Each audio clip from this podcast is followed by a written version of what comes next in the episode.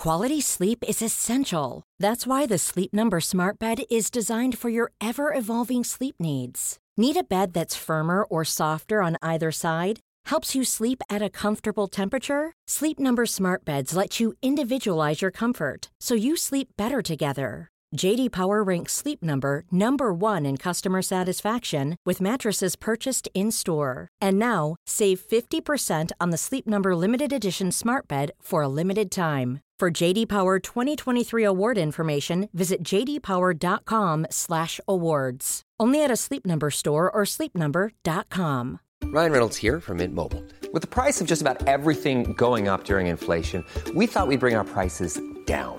So to help us, we brought in a reverse auctioneer, which is apparently a thing. Mint Mobile unlimited premium wireless. Ready to get 30, 30, bit to get 30, bit to get 20, 20, 20, bit to get 20, 20, bit to get 15, 15, 15, 15 just 15 bucks a month. So, Give it a try at mintmobile.com slash switch. $45 upfront for three months plus taxes and fees. Promo rate for new customers for limited time. Unlimited more than 40 gigabytes per month. Slows. Full terms at mintmobile.com. This is Paige, the co-host of Giggly Squad, and I want to tell you about a company that I've been loving, Olive and June. Olive and June gives you everything that you need for a salon quality manicure in one box. And if you break it down, it really comes out to $2 a manicure, which is absolutely insane. It's also so easy to get salon worthy nails at home with Olive and June. The difference between how your nails used to look when you did them yourself and now with the Manny system is a complete game changer. The best thing about Olive and June too is it's a quick dry. Dries in about one minute, lasts for five days, and full coverage in up to one to two coats. Visit oliveandjune.com slash perfectmanny20 for 20% off your first system. That's oliveandjune.com slash perfectmanny20 for 20% off your first system.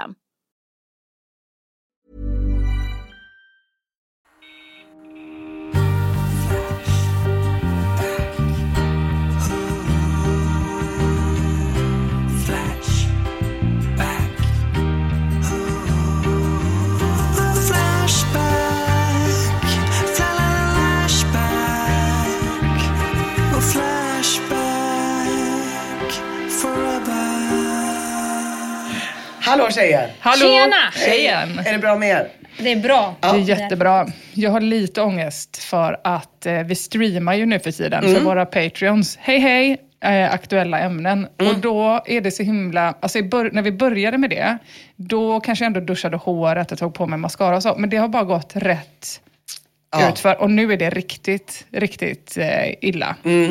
Så eh, det får bli en uppskärpning. Just det. Mm, eller Ja. får vi sluta sända. Nej, jag, tror, jag tror det som är bra är att ni har köpt kameror med så otroligt låg kvalitet. Så Ja. jag tror inte det syns om man har mascara eller inte. Så det är noga. jättebra. Men alltså jag har ju liksom då sprungit och inte duschat. Där är vi nu. Men det är glow. It's glow man. Jättebra. Nej, man ser våra ögonfransar. Det är jättefin stream. Bra. Ja, Mm. jag har gjort eh, så dåligt jag har kunnat. För att det ska passa oss. Det är också tråkigt att Det det är är, bra. det man ska behöva oroa sig för och inte om eh, man har något roligt att säga då. Nej, om man ska vara snygg. Så är det att vara tjej. Mm, så är I det. dagens samhälle. En spaning från mig, Emma Knyckare. Ja, det var allt för podden för idag. Tack så jättemycket. Vad ska ni Ja. prata om idag? Eh, jag ska prata om en användare som heter Vidrik Fittanen. Oh, Bra. starkt namn. Namn. Jag ska prata om eh, killars eh, dröm om att eh, sticka till skogs. Sticka till skogs. Okej, okej. Eh, och jag har ju aktuella ämnen. Ja. Och vad är mer aktuellt nu i början av juni än havet? Ha? Väldigt Ja, aktuellt. Eller hur? Segel ska resas, badbyxor snörpas på, strandfiltar köpas. Vi ska förena oss med det stora blå igen. Emma, du är ju i princip ett havsdjur. Jag kom ju direkt från havet. Det är också det som är. Jag är helt blöt också, Ja. förutom att jag luktar illa. Det för finns, att jag var och eh, badade, alltså literally tio minuter innan vi Det är många som eh, säger och koketterar med att de älskar havet. Men jag vet fan ingen som älskar havet som du. Nej, jag ska tillbaks till havet. Jag längtar tills jag upplöses av det blöta och blir rätt. Jag fattar. Och Mia, du doftar ju mer sjö. Ja, verkligen. Om jag doftar någonting alls. Mm. Om du doftar någonting alls i blöt form Ja. så doftar du insjö. Exakt. Ja, ja. Eh, Men du känns inte så, du kastar det liksom inte i, eh, nej. Nej, jag tycker inte om att bli kall. Nej, det tycker du inte om. Nej. Nej, det trivs jag inte med. Men du gillar ju havet. Men det gör jag, men alltså min eh, relation till havet är ju lite konstig. Den är ju lite ambivalent. För jag, absolut, jag älskar skiten. Inte så mycket som du. Jag vill älska den så mycket som du. Men, men jag, absolut, ett gott havsbad, fy fan vad mysigt. Samtidigt är jag också livrädd för havet. Havet är väldigt mycket. Havet är outforskat, det är mörkt, det är mystiskt. Jag tror kanske det som folk känner med kosmisk ångest, det kan jag känna med hav. Ja. Och den här liksom havsrädslan jag har, den manifesteras ju framför allt i min fullständigt utblommade fobi för valar. Just det. Och det har varit mycket valar Ja, det har det varit, i nyheterna ja. de senaste. Du pratade ju till och med om det på Nyhetsshowen. Jag var så chockad över att du klarade att ta dig an det. Och nu blir det mer. Det var som fan. Mm.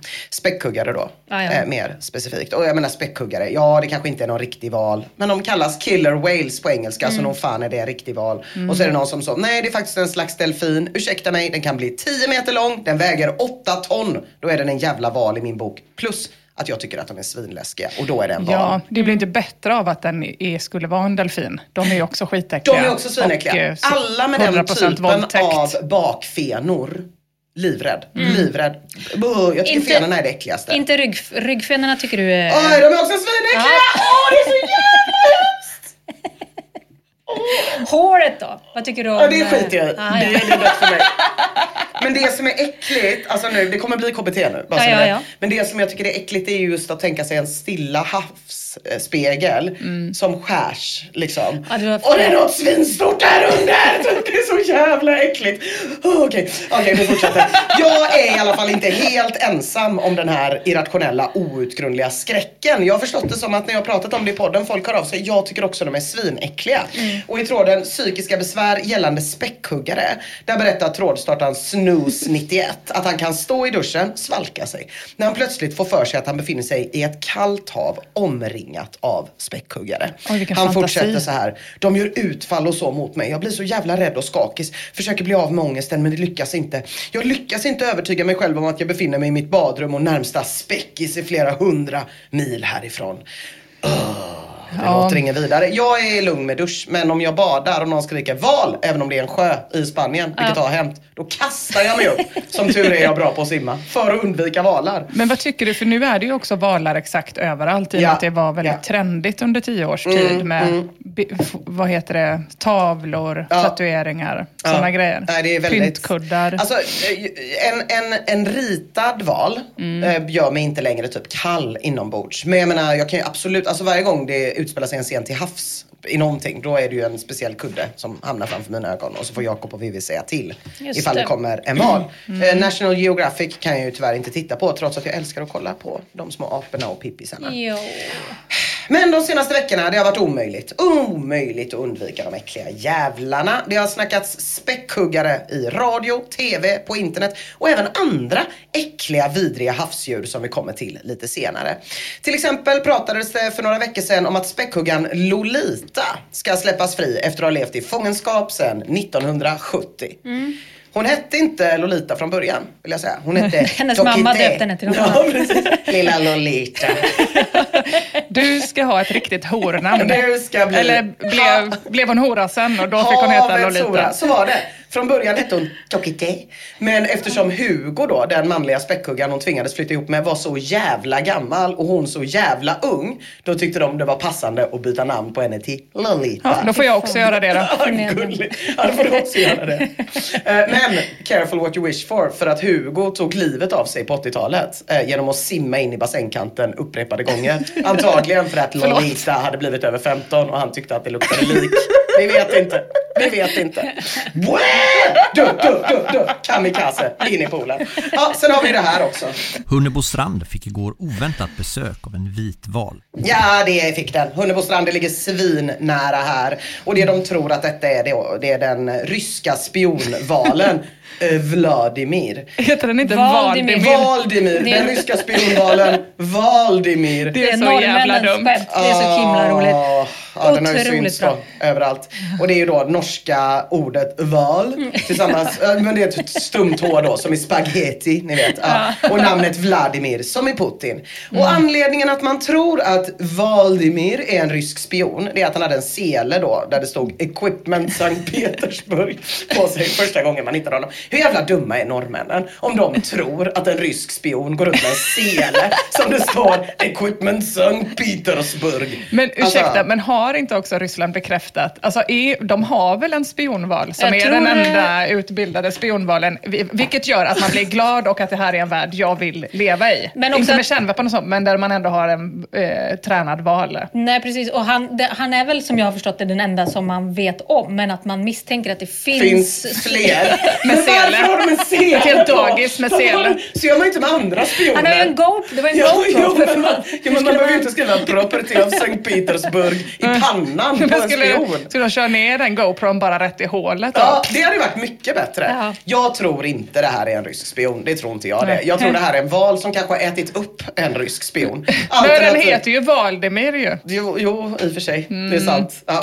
Jag, tror, jag, jag, tror, jag tror att det kan vara ett led i havsdjurens övertagande av oss människor Mm. på land. De använder lite smarta metoder. Jag förstår att det är extremt men jag har ju valfobi så det är inte så konstigt att jag kommer till sådana slutsatser. Tänker du att den, det är en sån typ joggingsele den Ja. har satt på sig som mellanchefer har? För att Exakt. synas i mörkret? Exakt. Och så har den dödat en riktig rysk spion, har på sig den, är spion, men åt valarna. Det är bara en teori. Okej. Ja, ja, Men, ja. men vi har ju det här också.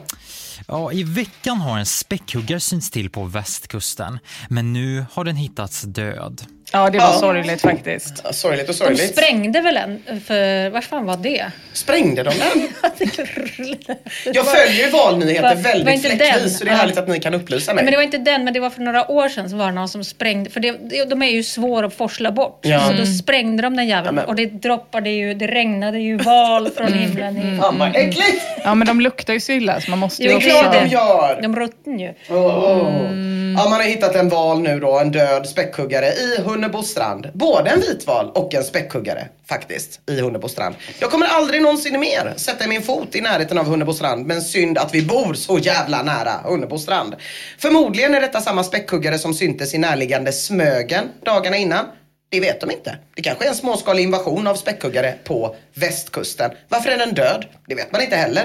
Interna stridigheter mellan valar? Kanske. På grund av att hans späckhuggs-Gary har blivit gammal och sladdrig i fenan? Antagligen. Ja, den hade ju också blivit så himla smal. Den där späckhuggaren. Åh, den försökte passa in! Ja, precis. Ja. Den vägde liksom hälften av det den skulle väga. Ah. Nå, ja. Ja, och det var typ inte ens att den hade ätit plast och sån skit Nej. och inte fått i sig, utan det var något... Eh, Den ja, vill väl bara vara snygg inför beach. Antagligen, ja, man. inför studenten. Och sen inte minst då, som jag också har pratat om i nyhetsshowen, men som ni också får höra, späckhuggsattackerna utanför Gibraltar. Så här lät det i verkligheten i P3. Det cirkulerar skräckfyllda historier om hur helt vanliga segelbåtar plötsligt börjat attackeras av flockar med späckhuggare. Stora, köttätande killer whales som kan väga upp till åtta ton och bli tio meter långa. Men vanligtvis är de alltså inget hot mot människor. Nej men det var väl skönt då så? Ja, Men någonting tycks på ett mystiskt och oförklarligt sätt ha slagit slint upprepade gånger bara de senaste åren då de jaktinställda späckhuggarna börjat ge sig på båtar. Ja. Ja. ja, men liksom vad fan är det som händer? Vad är detta för sjuka djur? De lyckas alltså gå undercover som myspuffar i Rädda Willy. De är turistattraktioner på Sea World och alla tycker det är så himla gulligt när de gör trick och stänker ner publiken med vatten. Jättepopulärt ju. Sea World då, bara en liten avstickare, de har ju såna, haft såna här shower med späckhuggare sedan 60-talet. Och alla deras späckhuggare kallas Shamu. Efter den första då, späckhuggaren de hade. Kanske också för att de inte vill säga vad de heter egentligen. Killer Whales. Jaha, jag trodde Eller det var Lolita. Ett, eh, Eller Lolita.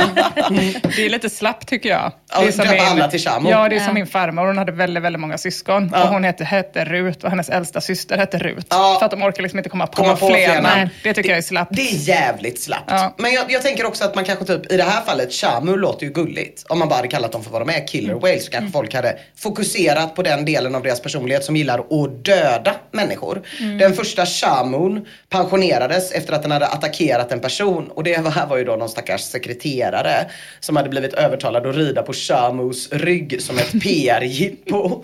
eh, hon fick sy nästan 200 stygn, men överlevde. Nej, hennes jobb var att sortera pärmar. Ja, och så var det typ så, vi ska göra en kul grej nu. Fy fan. Jessica, Jessica, how are you working this afternoon? Ja.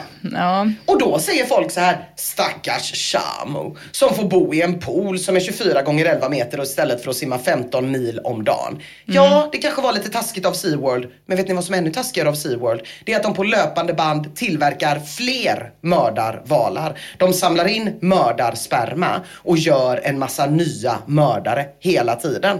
Det här upprörde Tommy Lee från bandet Mötley Crüe 2010 och då skrev han ett brev till SeaWorld. Det kan man läsa om i tråden med samma namn, eh, Tommy Lees brev till SeaWorld på Flashback. Där länkar Strateg-Asiat, ett otroligt användarnamn, till en artikel som innehåller hela brevet och här kommer ett utdrag. We know that the way you get his sperm is by having someone get into the pool and masturbate him with a cow's vagina filled with hot water. Starka bilder som seglar upp i ens inre och Tommy Lee fortsätter. Even in my wildest days with Mötley Crüe I never could have imagined something so sick and twisted. Och då tänker jag att han har sett en del. Han Det har Det måste han ha gjort. Mm. Det måste han ha gjort. Men då ska man komma ihåg att i alla fall på Flashback så är den enes sick and twisted, den andres ronkmaterial. I tråden alternativ till er som gillar djursex. Där skriver Demiurg 2. "Eh, det finns även ett klipp på YouTube med några forskare som tar spermaprov på en späckhuggare men den kan jag inte posta. Det kan vara ett brott mot regel 1.10. Jaha, men då ska någon ha det jobbet alltså?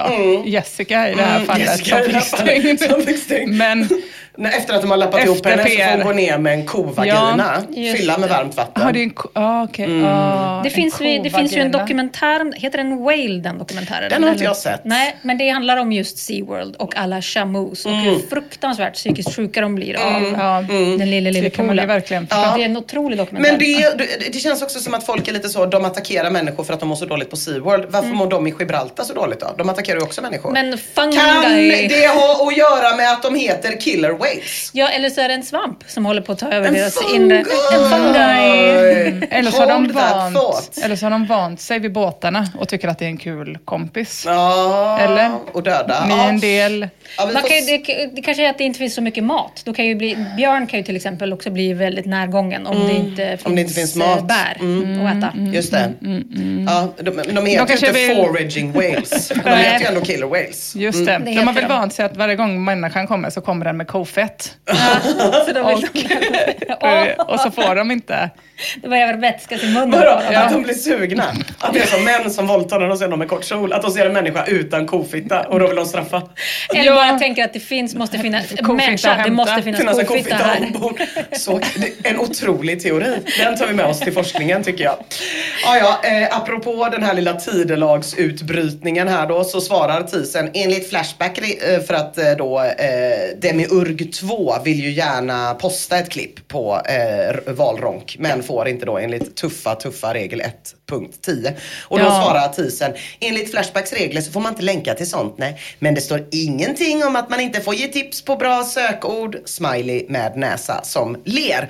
Man kan Intressant. tänka sig att han säger det där med den där danska kåtrösten va? Ja men det står inget om att du inte må give tips om mange mange goda sökord. Egentligen så tycker jag att Tisen kan räkna ut sina sökord själv. Men jag kände mig hjälpsam så jag bad Jakob att testa att söka på Orca Sperm Collection. Han fick några träffar men säger att ingen av filmerna var sådär sexig som Tommy Lee beskrev det. Så Demiurg 2 hör gärna av dig med de exakta sökorden till Tisen, alltså inte till mig. Spännande Ja, grejer. vem var den här stackars jättesnälla stackars späckhuggaren som blev avrunkad av en kofitta på ett så kränkande sätt att till och med Tommy Lee fick nog? Ja, den späckhuggaren hette Tillicum, känd för massa saker. Bland annat för att ha dödat tre människor. Just det. Den, Först- den är också med i den där dokumentären tror Är jag. den det? Ja. Jag tror det. Mm. Först var det en tränare då. Sen var det en eh, Daniel P. Duke, en vit amerikan som av bildgooglingen jag gjorde ser ut att identifiera sig med subkulturen Rastafari. Eh, som försökte bada med honom. Och sen en tränare igen. Eh, det känns spontant som att alla bad om det lite eftersom att de gav sig ner i en pool med en killer whale. Men kanske ändå att Daniel P. Duke förtjänade det lite, lite mer. I de andra två fallen var det en arbetsplatsolycka. Eh, och i Daniel P. Dukes fall hittade man hans kläder bredvid poolen och en fimp till en joint. Så det som hände var att han klädde av sig naken, rökte en spliff, blev jävligt sugen på att förena sig med Moder Gaia genom att krama en mördarval. Han bad om det lite mer. Men vadå? Tänker du att han drog, tog av sig naken innan han rökte spliffen? Mm. Jag, Ja, det är så de gör. Rastafaris. Haile Selassie. Det gjorde han. För att vara riktigt nära Moder Gaia. Känna vibrationerna. det är så himla dum ordning. Ja men det är den ordningen. Och den ordningen. späckhuggaren bara, här kommer en kofitta. Ja exakt. Jag är ingen forensiker men jag antar att det är så det har gått till. Ett jävla bi skriver på Flashback. Anledningen till varför de hittade en snubbe naken i bassängen det var för att han försökte para sig med Shamos blåshål. Men olyckan blev ett faktum då firren greppade tag i hans kuk och drog ner honom i djupet. Mycket tragisk historia. Det är inte säkert att han ville para sig med blåshålet ska jag säga. Jag tror verkligen att han bara ville vibba lite med Mm. mördarvalen. Men det vi vet är att Tillicum bet av honom pungen. Så helt omöjligt är det ju inte att något slags övergrepp var inblandat. Man kan också fråga sig om Daniel P. Duke, som jag, led av den här konstiga valfobin som är helt irrationell när en mördarval mumsade av honom hans genitalier. Så himla specifikt ändå kunna, då är det ju ett, eh, alltså att man alltså bara mufsa där. Mm, Och inte bara ta hela underkroppen. Nej, han gick... Han trodde väl att det var ett bär? Ja. Ja. Eller en kofitta. Mm. Fy fan vad äckligt. Ja, och nu har späckhuggarna börjat ge sig på båtar här i Europa utanför Gibraltars kust. De samlar sig alltså i gäng och eh, det har varit en eh, historia där det har varit två småvalar som har tagit tag i den bakre delen av båten och hållit fast den medan en stor späckhuggare upprepade gånger rammar sidan och dödar yatägare på löpande band. Det här verkar ha startat Det är under en gruppvåldtäkt 2020. av kofitta. Det, det är en gruppvåldtäkt av kofitta. Och det är så jävla sjukt att det ökar så mycket liksom. Det, man hade inte hört om det förrän 2020. Sen bara eh, 50 attacker på, på 2020. År 2022 200 attacker. Alltså det är en Det trend. måste ju, det, ja, det måste ju ha hänt någonting. Det måste Det blir, knäpp. exakt. De hatar oss mer och mer. Varför? Ja, det vet man inte. Men forskarna Man kan ju tror... ana. Vad sa du? Man kan ju ana. Man kan ju ana. Mm. Eh, forskarna tror att det är en lite äldre späckhuggare, White Gladys, som har startat den här trenden då. efter ett trauma som innefattade ett roder. Och att yngre späckhuggare nu har tagit efter det här beteendet. En annan teori är att de bara leker med båtarna. En tredje är att de försöker slå ut konkurrensen om tonfisken i området. Det är de tre mest etablerade teorierna. På Flashback finns det såklart några till. Bassplay skriver foliehattarna på Facebook tror det är på grund av 5G. Smiley som slår sig för pannan. Och det är alltid någon som ska skylla på 5G. Men det här tyckte jag var lite roligt att Facebook liksom har gått förbi Flashback för foliehattar. Att man sitter på Flashback och är så, åh de jävla foliehattarna på Facebook. De tror att det är 5G. Ja. Så är det ju inte på Flashback. Där skyller man som vanligt på invandringen. Eh, ja men det är klart, det är ju Flashback vi pratar om. Den allra mest spännande teorin är att späckhuggarna attackerar båtar för de har bestämt sig för att börja äta människor. I tråden späckhuggare anfaller båtar tror Lissa att attackerna har eskalerat för att det är så många migranter på Medelhavet. Så att de ser människor på ett annat sätt då. Men, men då är det ju många i tråden som skriver att det låter väldigt osannolikt för de flesta båtflyktingarna flyr just över Medelhavet och eh, det är för varmt vatten där för späckhuggare. Men då länkar Lissa till en artikel i Svenska Dagbladet där det står tre gånger så många migranter som i fjol har tagit vägen genom Gibraltarsundet in i Europa. Och det är ju där attackerna har börjat så vem vet? Det kan vara lek, det kan vara jakt, det kan vara hämnd eller så är späckhuggarna rasister. Det hade Just inte förvånat mig det minsta. Men har de gett sig på migranterna då? Nej, det Eller, verkar inte så. eller verkar de... Mer yacht. Ja, mer Mm. yacht. Ja. Ja, jag, tror verkar- att jag Lisa tror att menar att migranterna har lockat eh, uppmärksamhet till människan. Mm, ja, Så, okej. ja. Mm.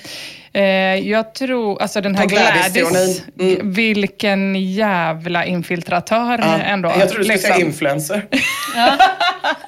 Att hon liksom kan samla en massa Ja. och bara så, ni ska ge er på överklassen. Ja, Det är så jävla, jävla sjukt. Alltså, Det är som att hon har blivit tränad av migranter. på hur man ska göra.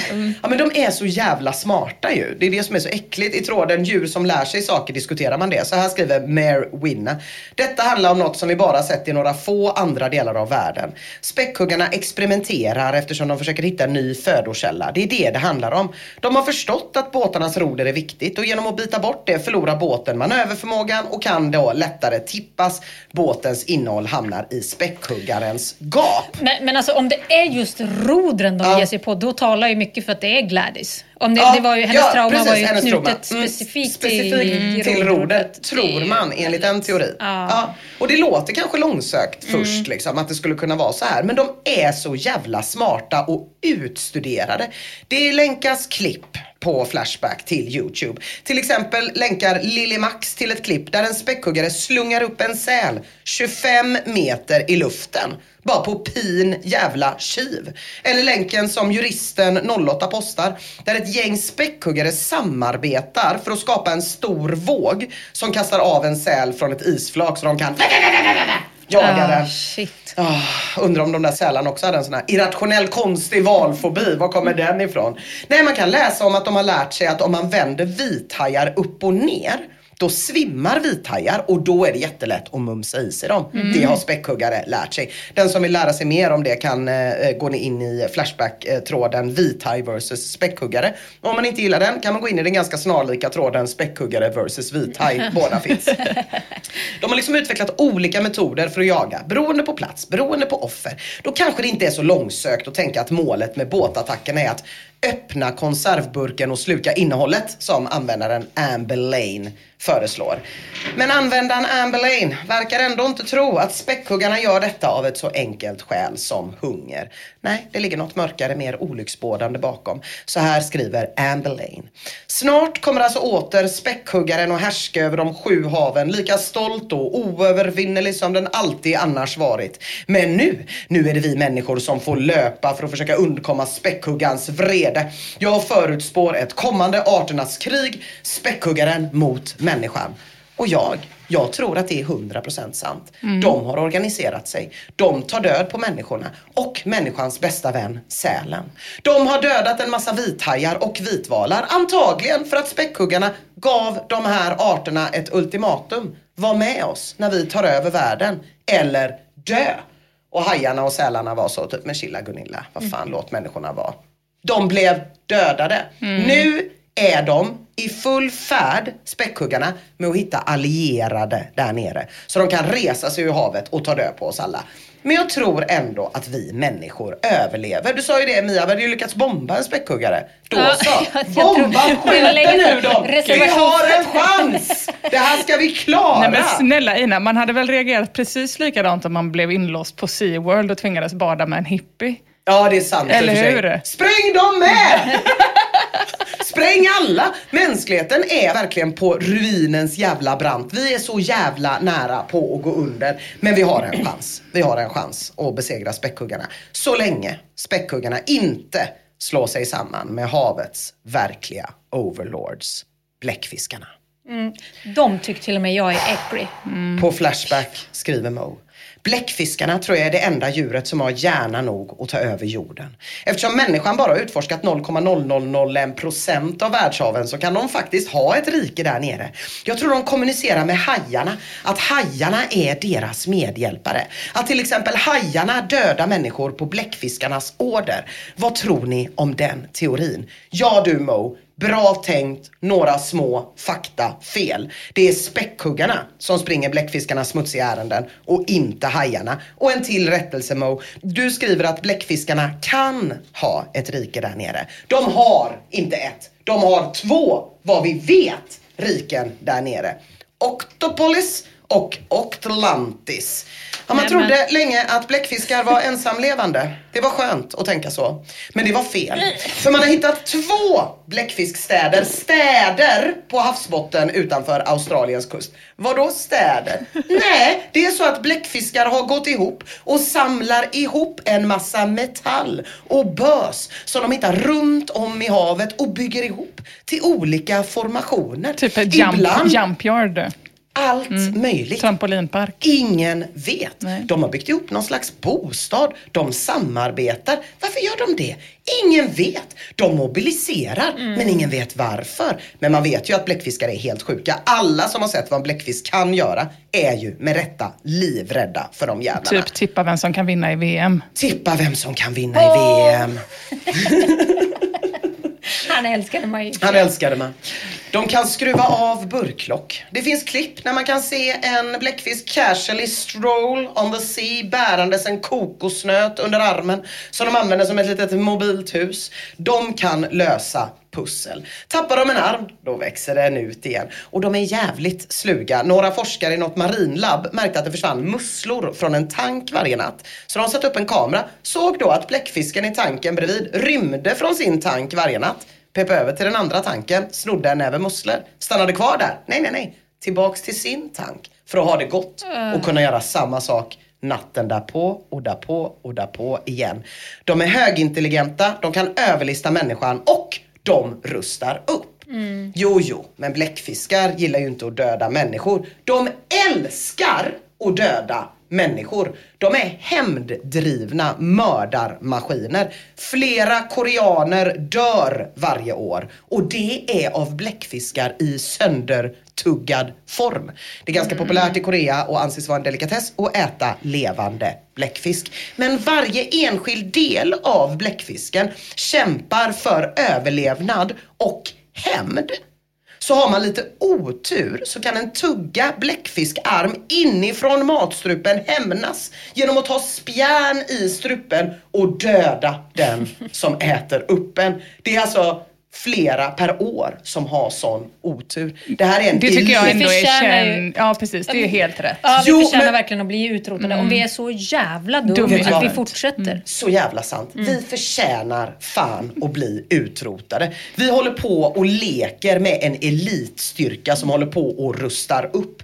Discreeted skriver i en Flashback-tråd, bläckfiskar kommer att ta över världen en vacker dag. Och det kommer de! Wake up sheeple! De har ju för fan redan börjat. Men människan, hon är dum i huvudet. Så människan fortsätter med sitt som om ingenting har hänt. Människan tänker, varför skulle havets största mördarmaskiner mobilisera och gå emot lilla oss? Vi som är så gulliga. Ja, ja, ja, späckhuggarna, de har ju redan börjat välta båtar och det verkar som att bläckfiskarna beväpnar sig men det har väl inget med oss att göra.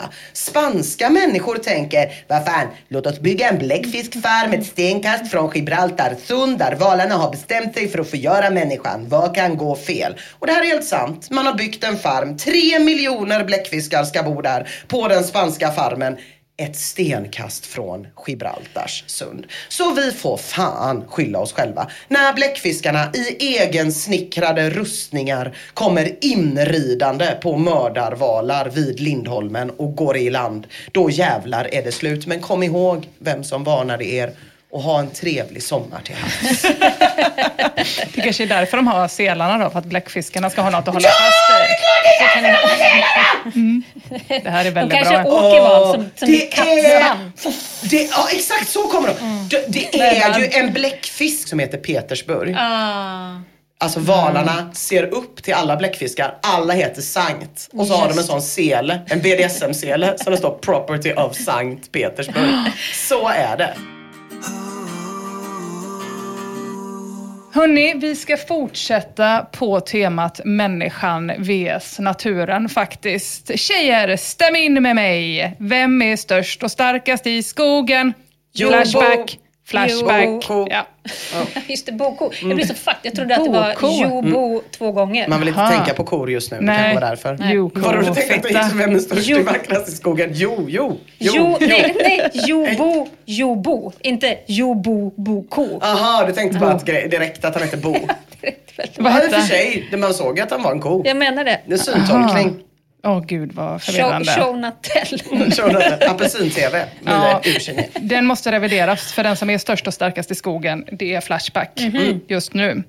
Det finns ju naturmänniskor och så finns det naturmänniskor. Och de mest hängivna naturmänniskorna, det vill säga de som vill lämna exakt allt och bara dra till skogs, de hittar man förvånande nog surfandes och skrivandes framför datorn på Flashback. Intressant ändå. Därför stannar det tyvärr ofta vid drömmar om skogen. Eh, vilket är synd. För nu när vi lever i en tid med klimatkris, pandemier, krig och havsdjurens övertagande av mänskligheten, då är det ju skönt eh, att hitta liksom människor som inspirerar till ett mer jordnära liv. Om man med jordnära menar att leva helt och hållet utanför samhället. Och det gör man ju ändå. Hörrni, att bo i skogen, det är inte bara lösningen på kriser och pandemier och eh, när bläckfiskarna kommer. Utan det är lösningen på allting faktiskt. I tråden människorasens överlevnad är bo i skogen det som levereras som lösning. Så även i tråden zombieöverlevnad. Mm. Även trådarna En vit mans guide till överlevnad i dagens Sverige samt tråden Överlevnad i raskriget bjuder på exakt samma tips. Flytta ut i skogen. Väldigt passande ju. För det här med att flytta ut i skogen verkar nämligen också vara mångas absolut högsta dröm. I tråden Bo i skogen från 2021 så skriver användaren Bear Monk har länge haft flytttankar. Jag velar mellan att packa cykeln, dra och bli en eh, slags nomad eller bara dra ut i skogen och leva där. Och i en annan tråd skriver Poisa att han ska dra ut i skogen en längre tid med konserver för tre tuss och en banjo som enda packning. Visst låter det underbart? Kashat, som är en gammal scout, blir inspirerad och börjar också printa ner sin lilla packlista. Han skriver spritkök, en tyst partner, bar himmel, väldigt bra att packa med sig. Mm. Kött, whisky, fria vikter för att kunna träna då. Nej, men det känns väl ändå konstigt. Då kan man väl hitta en stock eller något. Eh, så tungt, svårt att frystorka. Så långt, så långt kan han inte tänka utanför Nej. boxen. Nej. Och eh, på packlistan är också domedagsporr. Ah. Ja. Mm.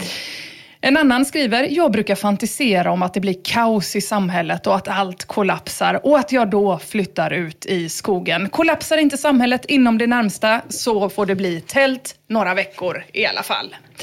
Eh, Mohammed eh, 12 262 skriver i en tråd att han tänker bosätta sig åt helvete. Så långt in i skogen ska han. Och What's Gucci har också haft flyttplaner länge, men tillägger det enda som hindrar mig det är att man inte kan gå på hemmamatcher när Bayern spelar. Mm. Mm, det är det enda som hindrar. Hörrni, killarna vill bo i skogen och de vill bo i skogen under våren. I tråden När våren kommer vill jag bo i skogen skriver DYFNKJ ska köpa mig ett tält, gå ut i skogen och bo där. Jag är en bekväm stadsfåne men jag har sett Survivor Man. Det väger tungt, tror jag. De vill också bo i skogen, killarna, över sommaren. I tråden Bo i skogen över sommaren skriver användaren Magnificet. Jag har planerat att bo djupt in i skogen. Allt jag ska ha med är ett luftgevär, massivt med kulor och kläder. Vad finns det för farliga djur i skogarna här i Stockholm? Björnar? Frågetecken. Stockholms län, skriver han. Mm. Jag vet inte ja. vad det är, men... Eh, Stockholms län. Det känns tätbebott. Ja. Tätbebott, ja. Men vildsvin skulle kunna... Ja, säkert. Farliga djur. Ett annat rådjur. Ja, det kan det finnas. Är du rädd för dem också? Nej, bara saker till havs. Mm, de är och äckliga insekter tycker jag är Nej, men de vill bo i skogen på våren, på sommaren och killarna vill bo i skogen året runt, gärna resten av sina liv. I sitt magnum opus Leva laglöst i skogen från 2011. Det vill säga efter att filmen Into the Wild kom, men innan The Hobbit, ska mm. ändå tilläggas, skriver användaren PHZS följande skulle väldigt gärna vilja pröva att leva som en fri man i vildmarken. Jag skulle vandra om dagarna och njuta av våran vackra natur. Inte ha några associationer med staten. Maten kommer jag skaffa själv och dricka ur bäckar. Jag kommer även odla gräs om jag röker ur en hemmagjord pipa medan jag spatserar. Kläder kommer jag göra själv, you name it. Jag gör allt själv och jag gör vad fan jag vill. Men då, det blir konstigt att odla och vara nomad samtidigt. Ja, det är lite svårt att ta med. Han får ett litet portabelt växthus mm. i ryggsäcken eller? Det är väldigt mycket fokus just på det här med att röka gräs. Att ja. det verkar vara en stor anledning till att man vill leva laglöst i skogen. Just det. Att, ingen, att inte staten ska kunna komma och Räcker det inte bara att flytta till Malmö? jo, kanske. Han skulle kunna bli same annars. om det. Ja. Får han ju röra Ja. lite på sig. Ja, och, just det. eh, Mm. Men samtidigt hur växer the herb? Ja, det är ovanför trädgränsen. Ja. Det Men han vill heller inte ha några skyldigheter. Eh, nej, Eller ah, nej, rättigheter. okej. eller, ja, ofta är det Mm. så. Han ska ha noll associationer med staten överhuvudtaget. Ja. Då var det inte Det same. är svårt. Mm. Då är det bara Malmö. Då är det Malmö. Då är det Då bara blir det Malmö. Malmö. som gäller. Ja.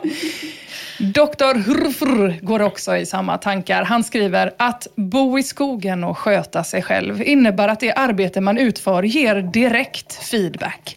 Istället för att sitta på ett kontor och behöva stå ut med att Ulla vill byta färg på pärmryggarna för att blått är så tråkigt och dessutom utstrålar toxisk maskulinitet. Bättre då att vakna med solen, sätta sig med det nykokta kaffet och titta ut mot skogsbrynet och se de graciösa rådjuren med sina äckliga tänder beta av skotten på det du planterat. Sicka romantiker hörni. Monkey Business tillägger samma här. Jag vill bara ut i skogen och gräva ett skyttevärn, hugga ut ett bergrum och bygga en hemtrevlig bunker att bo i. Stig Allan skriver, jag har mitt fortplantningsbehov tillfredsställt och känner mig en aning instängd. Det blir skogskoja utan el och internet framöver. Tillef konto 12 känner igen mig. Detta är min absolut vanligaste fantasi, till och med mer frekvent än sexfantasier. Ja, ni hör ju vad de drömmer om skogen. Halshuggning skriver, bo i skogen är att återvända till människans grund. Fuck bank-id! Utropstecken. Ja, oj vad de drömmer killarna. Och det gör de rätt i. För ända sedan människoapan ställde sig upp på sina två smala ben och började scrolla så har den längtat tillbaks till sitt ursprung, skogen. Men varför är det då så här? Alltså förutom då krig och pandemi och klimatkris och att havsdjuren kommer att ta över världen. Att alla och framförallt vissa vill överge exakt allting och dra till skogs. Svaret på det får vi kanske i tråden Varför vill män skita i allt och bara bo i skogen? Mm. Hussefar skriver Jag har varit i dessa tankebanor många gånger. Har vänner som också har det. Trots att jag knappast är någon överlevare i rang med Bear Grylls så låter jag mig mentalt planera och förbereda mig för denna livsstil. Jag vet att det är i stort sett omöjligt då jag har sambo och familj, men jag svävar iväg i tanken. Är det våra gener och arv som ger sig påminnelse av vilka element urmänniskan kommer ifrån? Varför är det störst andel män som tänker så här och inte kvinnor? Och eh, ja, det är en bra fråga och eh, resonemangen eh, kring detta är många. Alexander svarar, den moderna världen är kvinnors våta dröm. För oss män är den mest bara besvärlig. Ganska Ett sant svar tror eh, jag. gott som något. Förmodligen. Ja. Den moderna världen är en kvinnas våta dröm. Sommarvikingen. Alltså i jämförelse med den omoderna världen. Det är väl så man får tänka. Ja, Just det. precis. Så är det ändå någon som har det lite godare. Tråkigt då att den Än är vad de så... hade i den omoderna världen. Ja, fattar. Jag Tråkigt. fattar precis. Tråkigt Vi att har den är så BB besvärlig och då. sånt nu Ja, för men tiden. precis. Det tycker, Ja. Sånt tycker vi om. Sånt gillar Ja, vi, sånt ja. gillar vi. Ja. Sommarvikingen har också en teori. Män är introverta och vill bo i skogen medan kvinnor är extroverta och trivs bäst i städer. Det är också en teori. Idumea skriver att tjejer inte har samma behov av att skita i allt och bo i skogen tror jag delvis beror på att de är bättre på att få utlopp för sina naturliga mänskliga drifter i vardagen. Till exempel baka ett bröd eller rita något fint. Ja, Ja. Random Wanderer tillägger, i skogen finns inget för kvinnor att fota och lägga upp på Instagram. well. well, well. Ja. Eh, Sadrev... Om man har en van med sig. Mm, då går det. Då, går- då finns det något Då att har vi en fin bakgrund. Mm, men bara löv och sånt bjäfs. Nej. Nej, en kärn. Sadrev har också en teori. Han skriver, varför tycker män om att sitta på toan i timmar och läsa tidningen? Ungefär samma förklaring varför en grundläggande önskan finns att dra till skogs kan jag tänka mig. För att det är lugn och ro. ProConcool skriver, jag tror att det är en manlig grej eftersom att män gärna ser sig som råbarkade skogshuggare som fäller träd med ena handen och slår ihjäl björn med den andra. Kvinnor har liksom ingen imagevinst i att tvätta tygblöjor i en iskall bäck och mjölka getter klockan sex på morgonen. Kanske var lite det du var inne på. Ja, ja, lite. Ja, bättre formulerat än vad jag, när jag famlade efter orden. Men absolut. Mm, jag är, hörrni, minst sagt imponerad över alla drömmar om skogen som finns där ute. Men allra mest imponerad är jag över broderskapet. Alla män som finns där och stöttar upp med tips och råd och packlister och hejarop. Eh, när någon då i alla dessa trådar äntligen beslutar sig för att slita sulorna från hyreslägenhetens trötta parkettgolv, dra på en krigsmålning och fly ut i vildmarken. Men alla är ju inte positivt inställda, så är det alltid. Antagligen för att de är avundsjuka. Till exempel till han som ska flytta ut till skogs och undrar om det finns björnar i Stockholms län. Till honom skriver hoppsan vilken dag. Min gissning är att TS med sin okunskap är farligare för sig själv än alla djuren i skogen tillsammans. Och till PHZS, ni vet han som ville leva laglöst i skogen resten av sitt liv och röka gräs. Till honom skriver Diener, vem är du? 2000-talets svar på Gandalf, eller? Mm. Det kommer också såklart in en hel uppsjö av frågor i alla dessa trådar där helt vanliga pappor, mellanchefer och stenade tonåringar bestämt sig för att återgå till naturen. Frågor som till exempel, hur ska du få mat? Mm, och de kan svara. Den nedrökta PHZS, eh, han svarar så här, hemmagjord pilbåge. Mm, ja. Så ska han få mat. Ja. Och då är ju Flashback väldigt snabba då med att påpeka att eh, det är svårt att leva laglöst just på grund av att man inte kommer undan tjuvjakt mm. till exempel.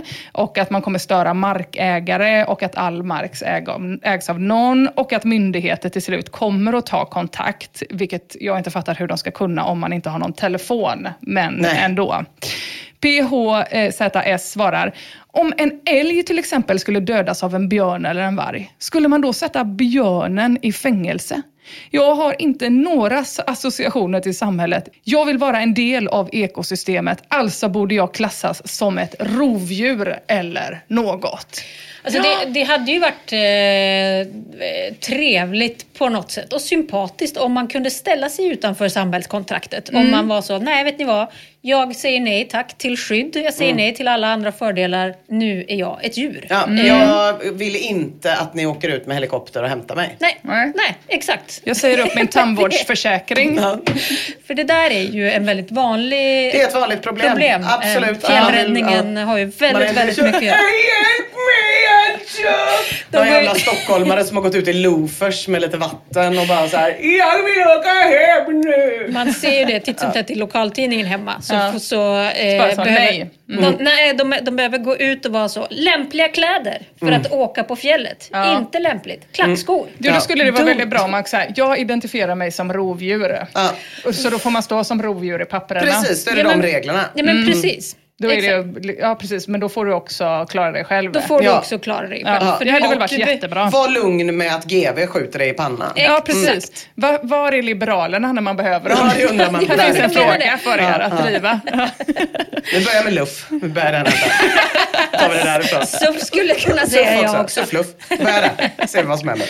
Precis. Jag identifierar mig som bläckfisk och så bara mm. ansluter man sig. Ja, då är det bara att döda den eh, personen direkt i och för sig. Mm. Förebyggande syfte. Ansluter sig till armén. Först får de peka ut de olika städerna, var de finns. Här har vi byggt, det här har vi byggt, det här har vi byggt. Tack, tack. Död. Och här ligger trampolinparken. Står sju koreaner redo. ja, men så borde det verkligen vara. Vad är luff och så vidare? För det är tyvärr inte så här det funkar. Men PHZS ger sig inte och det tycker jag ändå är bra. Det enda negativa man kan se det är att det blir väldigt tråkigt att snacksa sån bark mm. när man har munchies kanske. Om man nu ens får äta bark, eller hur? Kanske också bryter mot någon jävla lag. Eh, precis som allt annat som är fritt och härligt. Ja, ska hon Kåda ha till sina pärmar. Mm. Lite björksav tror jag hade kunnat vara alltså, gott mm, till munchies. Mm, ja. One size fits all seemed like a good idea for clothes. Nice dress. Uh, it's a t-shirt. Until you tried it on. Same goes for your healthcare. That's why United Healthcare offers a variety of flexible, budget friendly coverage for medical, vision, dental, and more. So, whether you're between jobs, coming off a parent's plan, or even missed open enrollment, you can find the plan that fits you best. Find out more about United Healthcare coverage at uh1.com. That's uh1.com. This is Paige, the co-host of Giggly Squad, and I want to tell you about a company that I've been loving, Olive and June. Olive and June gives you everything that you need for a salon quality manicure in one box. And if you break it down, it really comes out to $2 a manicure, which is absolutely insane. It's also so easy to get salon worthy nails at home with Olive and June. The difference between how your nails used to look when you did them yourself and now with the Manny system is a complete game changer. The best thing about Olive and June too is it's a quick dry, dries in about one minute, lasts for five days, and full coverage in up to one to two coats. Visit oliveandjune.com slash perfectmanny20 for 20% off your first system. That's oliveandjune.com slash perfectmanny20 for 20% off your first system. Hiring for your small business? If you're not looking for professionals on LinkedIn, you're looking in the wrong place. That's like looking for your car keys in a fish tank. LinkedIn helps you hire professionals you can't find anywhere else, even those who aren't actively searching for a new job but might be open to the perfect role. In a given month, over 70% of LinkedIn users don't even visit other leading job sites. So start looking in the right place. With LinkedIn, you can hire professionals like a professional. Post your free job on linkedin.com slash people today. Nej, jag tycker att Flashback är för hårda. Eh, till exempel mot våran rökande hjälte i egendesignad älghorns-outfit och pilbåge. Tungur Knifur skriver, det här är nog den mest retarderade trådstarten jag har sett. Mm. Men den enda som verkar tycka att det är för hård stämning, förutom jag, det är TS själv. PHZS svarar, jag verkligen känner ilskan mot mig i tråden. Varför allt detta hat mot en naturälskare? Det känns som att tråden går i fel riktning. Tungur Knifur svarar, jag ser framför mig hur en haschtomte traskar 30 meter utanför tomten, skär sig på sin kniv dag ett och i sin envishet stannar kvar, blir septisk och dör en plågsam död. Fördelen med det scenariet är att du aldrig hinner uppleva den i ditt fall oundvikliga svälten eller riktig kyla utan rejäla kläder. Det finns en anledning till att människan lämnade vildmarken. PHZS svarar, värst vad aggressiv du var då. Ja, man får tacka för tipsen i alla fall, men förstår inte varför du ska bli så arg. Idiot kan jag väl knappast vara för att jag vill uppleva och leva i naturen. Människor har ju överlevt i den i flera tusen år. Mm. Det har vi ju faktiskt gjort, men eh, fram till nu då när den börjar vända sig emot oss. Mm. Mm. Och alla de här hjältarna som vill bryta sig loss från stadens bojor, de får också faktiskt tips på hur man klarar sig i skogen såklart. Och alla de tipsen, ja det är väl material för ett helt eget avsnitt, men bara för att nämna ett tips så är mjöl ett eh, återkommande tips på en bra grej att ta med sig. Ja, vad ska man med mjöl till, kanske ni undrar, när man inte kan baka? Jo, eh, Venom X har lokaliserat flera användningsområden. Till exempel talka händerna vid repklättning, eh, baka sprängdeg för att fälla storvilt, blodstoppare i sår, kamouflagefärg för vinterjakt, SOS-meddelande på grön skogsmark, kasta i ansiktet på fienden för att förblinda och snorta upp i näsan för att provocera bärplockande moralistkärringar. Mm. Så det är ju multi... Jag tror bara den allra sista skulle funka. Jag tror ingen av de andra är, är bra. Tror det känns också som att... Kasta i ansiktet för att förblinda. Nej. Alltså, jag ser framför mig, utan att kunna särskilt mycket om eh, vildmarkslivet, att man eh, ofta har problem med fukt. Mm. Och mjöl är väl ganska fuktkänsligt. Ja, det, så det känns som att det skulle kunna bli riktigt deppigt i den här ja. påsen efter ja, ett tag. SOS-meddelandet kommer ju regna bort liksom. Ja. Ja. VNMX skriver också att man ska ha det i en plastpåse naturligtvis. Ja, men, eh, och där blir det väl ännu mer fukt. Man har väl det i en papperspåse för att... Ja, eh, hålla på. Jag tror, tror det är svårt. Jag säger nej. Jag vet inte. Mm. Men eh, han skriver också att man aldrig ska gå hemifrån överhuvudtaget utan ett eh, paket vetemjöl i ryggsäcken. Aha. Men vad vet jag. Mm. Det verkar ändå vara väldigt svårt att leva av och i naturen och slippa betala skatt, ta vaccin, gå till tandläkaren och all sån jävla skit som man måste göra. Speciellt verkar det vara svårt att leva i naturen när hela upplägget går ut på att man ska kunna röka brass ostört. Mm. Då är det många som blir sura. Men det finns ett lyckat exempel på Flashback. På en som har lyckats följa sina drömmar och dra ut till skogs. Och då menar jag verkligen ut till skogs. För i den här drömmen så ryms inte en liten timrad stuga eller husvagn, för det är fusk. Och hör inte hemma här överhuvudtaget. Det ska ska max vara tält. Och en som har lyckats bryta sig loss är användaren Fridens Gud Jesus. I en ny tråd på Flashback eh, som heter Bott i tält i ett års tid skriver Fridens Gud Jesus så här. Nu är det snart ett år sedan jag flyttade till skogen i ett tält. Det var ingen match. Om en latmask som jag klarar det, så gör du det med. Jag är knappast fysiskt vältrimmad, snarare mycket lat och med en mage som blir kommenterad av invandrarungdomar ibland. Vad nu de gör i skogen. Jag satte upp mitt tält denna tid förra året, brukar ta mig ett och annat glas vin, tänder en eld ibland, men vill inte ha mer arbete än vad som krävs om man bor i en lägenhet. Otroligt inspirerande ju.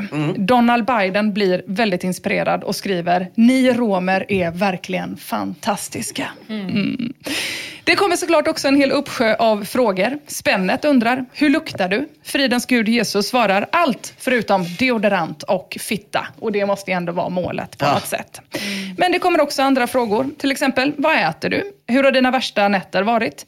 Vart tvättar du dina kläder och fångar du solenergi för att ladda eventuell telefon? Nej, eh, Jag, jag vet inte om jag missade det. Är, vart är tältet uppslaget? Vi kommer till det. Vi går till-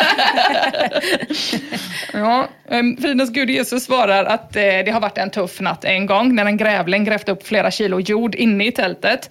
Och att det var tufft en annan gång när han hade väldigt mycket hosta, men att det annars har varit eh, rätt lugnt.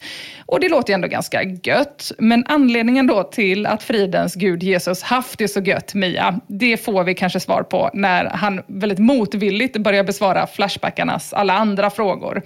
Fridens Gud Jesus berättar bland annat att eh, eh, han har ätit otroligt mycket på McDonalds. och hemma hos kompisar. Sen så skriver han, jag har använt en nära grannes garage där jag fått sätta upp en miniugn och kylskåp och där jag värmer frysta pizzor som jag inte sällan lägger på extra pesto, ost, tomatkross och pepparmix. Så han har ju en nära granne med garage då. Men har han också sitt eget, om det är en Ja, granne, granne är det hans eget, eget hus? Han har slagit upp den. Ja, precis.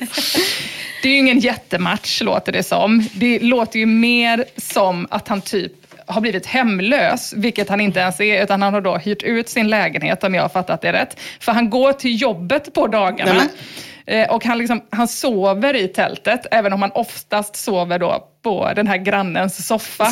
Eh, Där han också tvättar och laddar mobilen. Men ibland så sover han i skogen, om Så det alltså- inte är för kallt. Ja, så det som har hänt är att han hyr ut en jävla Airbnb. Vad sur man hade blivit om man typ sa Charming house on the countryside and side of Londonderry. Så åker man dit och typ, fan vad mysigt, här ska jag bo. Och så bara, yes I will be staying in the garden in the old tent. Fy fan vad rötet. Den han blir sur. Ja, otroligt sur. Man tror att man ska få lite enskildhet och så Mm. är den djävulen där. Ja, man blir ännu mer sur på honom som skryter om att han liksom Ja. har slitit sig loss från Ja, vad är det för eh, grävling? Det var ju fan grannen sån, eh, vad heter det, gräsklippare, robotgräsklippare som hade åkt in i tältet eller någonting. Antagligen. Fy fan. Nej, men det handlar ju om att man ska ut och in, utan någonting och lära sig leva av skogen. Men Fridens Gud Jesus berättar om sina naturupplevelser här. Kommer ihåg en morgon i synnerhet när det var tjusigt gott att släcka törsten med tonic water.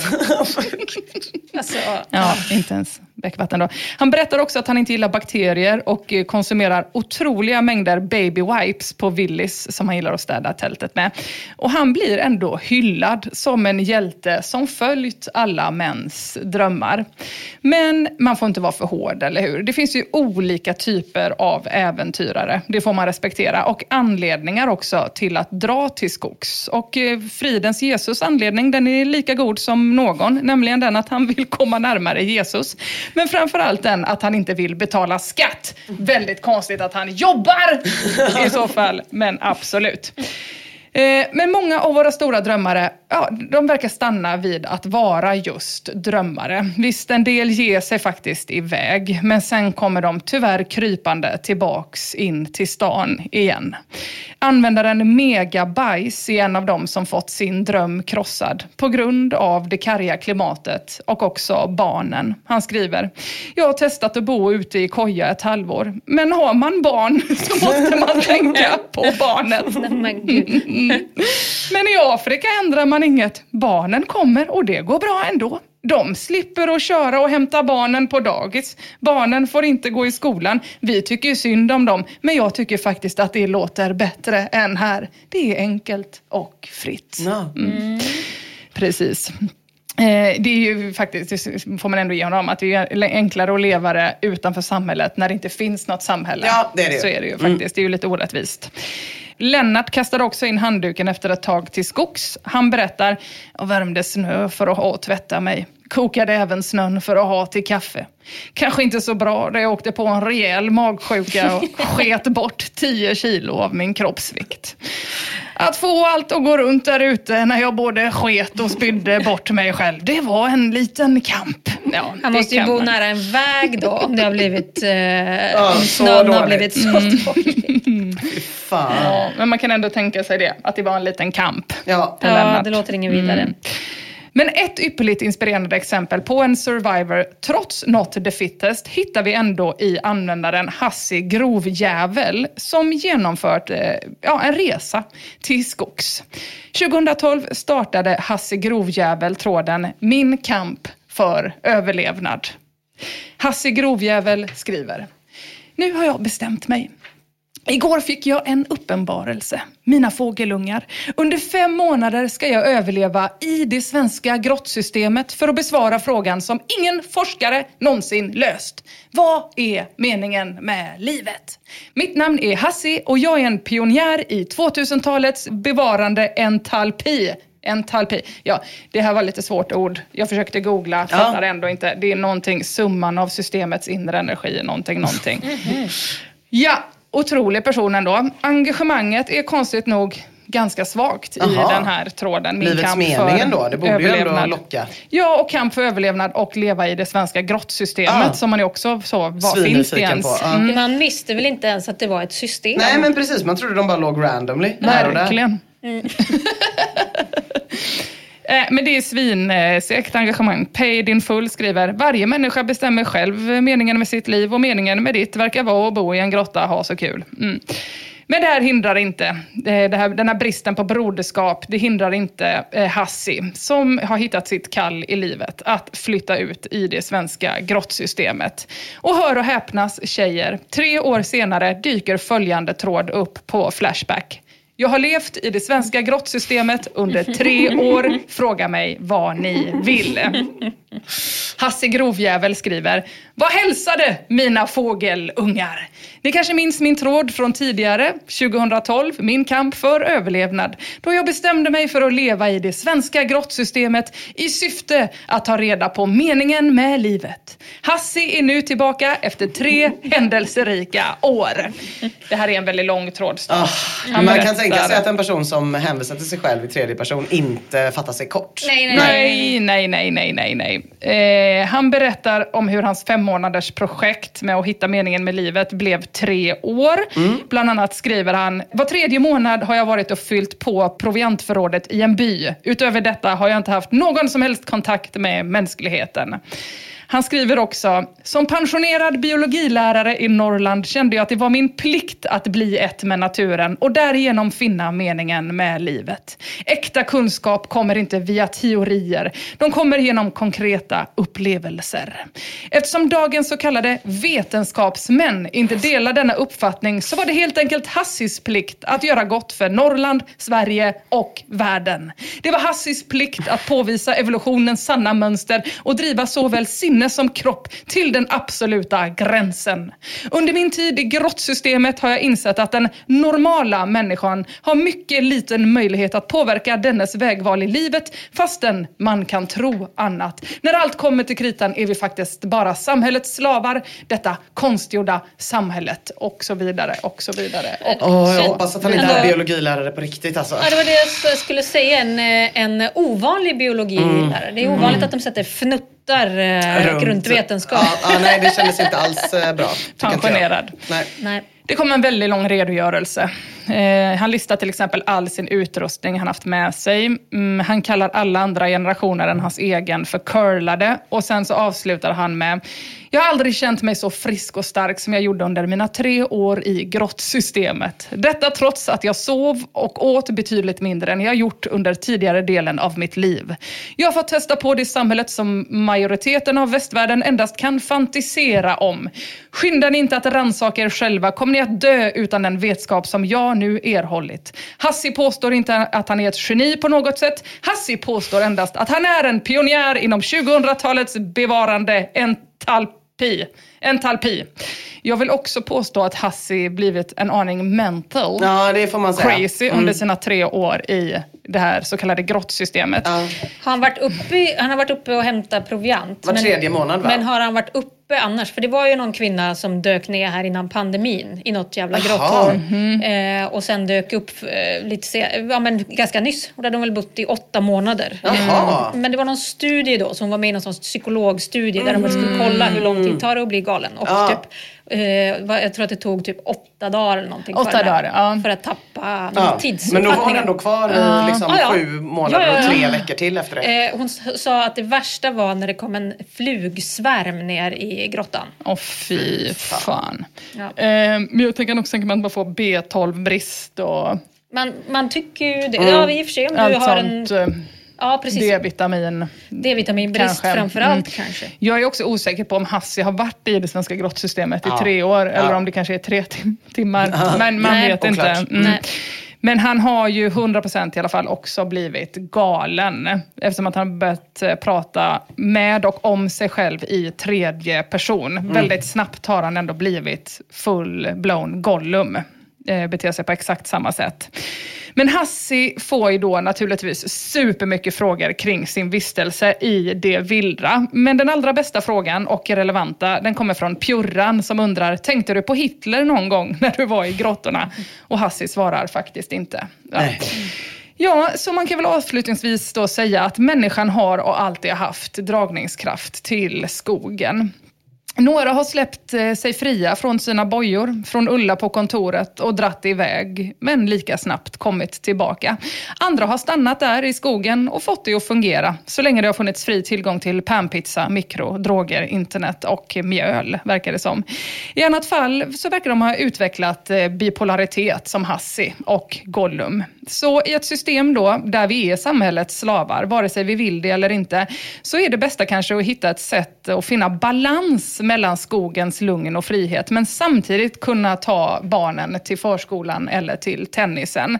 Som användaren Pussy Wanker, som meddelat på Flashback att han har dragit till skogs, till ett isolerat liv utan grannar och nu istället verkar bo i en villa i utkanten av stan med pool.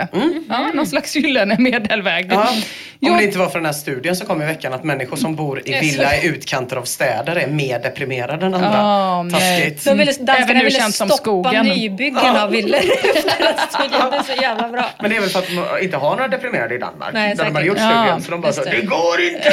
Måste stoppa det! Men om det nu klassas som skogen så vet Ja. man ändå att man blir mental Man efter blir mental. åtta dagar var det va? Ja. Jag kommer inte ihåg exakt. Grop, det är samma. Samma åtta dagar. Det är det. Men jag tror ändå att all självutveckling handlar om att man behöver lägga det på någon slags lagom och rimlig nivå. Istället för att då ställa sig frågor som vad meningen med livet är, så kan man ställa sig frågan vilken by kring polcirkeln har systembolag som använder en pilotattacker? Det gäller liksom att bli lagom ett med naturen. Att slippa lukta deodorant och fitta, men samtidigt kunna ta ungarna på fritidsaktiviteter. Riddarhuset har en lösning för detta. Han skriver, man kan ju droga och sova på balkongen så slipper man bygga vindskydd. Och det är ju en jättebra lösning faktiskt. Det är det faktiskt. Ja, det är det. Om man inte bara kan skita i allting då. Eller om man inte är tjej och eh, således kan då få utlopp för sina naturliga mänskliga drifter i vardagen genom att till exempel baka ett bröd eller rita något fint. Mm, sant. Mycket enklare ju. Jag sov faktiskt på en balkong i typ eh, ja, nästan en vecka en gång. Oj. Eh, inte knarkade då. Eller, Nej. den, var, den var i Barcelona. Så, så inget mer. Mm. Jag har bott, bott en vecka på en balkong i. Barcelona. Och det gick ju bra. gick jättebra! Mm. gick jättebra. Det var tråkigt att Manu Chao var så populär då bara på den tiden. Så att det hördes mycket på gatorna. Du, det hade nog... Jag var också i Barcelona på den tiden. Var du? Eh, Manu Chao var Ja, populär. me gusta marijuana, me gusta to. Hysteriskt. Var, när var du i Barcelona? 2004. Åh, ja, jag var där 2001 men jag kan tänka mig att det var några Ja, det, Det hängde jävlar. Mm. Corazón. De hade nog följt med ner i grottsystemet också. Ja, gud, det hade de kom, verkligen gjort. kom undan Manu Chao. Nej, nej. Den här grottkvinnan, eh, nyhetsshowen hade ett eh, inslag om henne. Jag vill hänvisa till det. Jag minns inte exakta detaljer. Jag vill föregå alla mejl som jag kommer få. Ja, om, du fick om, ett mail. för förra avsnittet.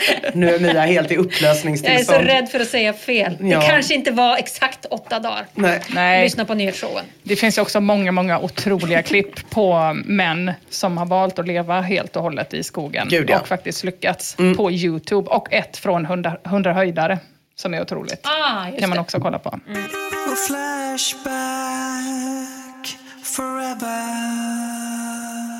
Eh, hörni, jag ska berätta för er idag om Vidrik Fittanen. En Det bästa användarnamnet? Frågetecken. Ja, det, det är starkt ändå. Och precis som eh, namnet skvallrar om så gjorde han Flashback-debut hösten 2017. Mitt under brinnande metoo. Under de första Flashback-månaderna så är han också mycket, mycket aktiv i trådarna om de kända svenskarna som hamnar under lupp under den här perioden. Han är i tråden om Martin Timell, han är i skvallertråden om Miao Miao och han är i tråden om Soran Ismail. Och han verkar njuta av actionen varenda liten sekund. Vidrik Vittanen, han är en familjeman kan man säga. Hans ungar de är ganska stora nu, men totalt så han, har han haft småbarn, eh, det vill säga barn på förskolan, håll i er nu, under sammanlagt 21 år. Oj, det är Det är länge. det sjukaste jag har hört i hela mitt liv. Det kanske är det Hur klarar sjukaste. man med- det? Jag vet inte. Men han, han, måste ju, han måste ju ha kullar med då flera olika kvinnor.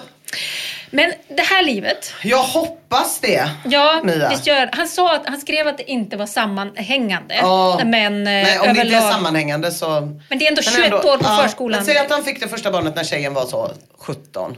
Mm. Tänk dig en sån jävla kvinna som tvingas föda barn mellan 17, 27, 37 och 38. Ja, fy. Mellan 17 och 39 års ålder. Ja. Som Då- bara fått ur sig små Vidrik Fittanens. Fy fan. Då kan, Ner man förstå, då kan man förstå att man döper både den första och den sista till Rut. Ja, det kan man verkligen då har man, då. Att man bara ger upp. Ja, om den jäveln skulle komma ner i den där grottan med flugsvärm skulle hon vara så, åh, spa.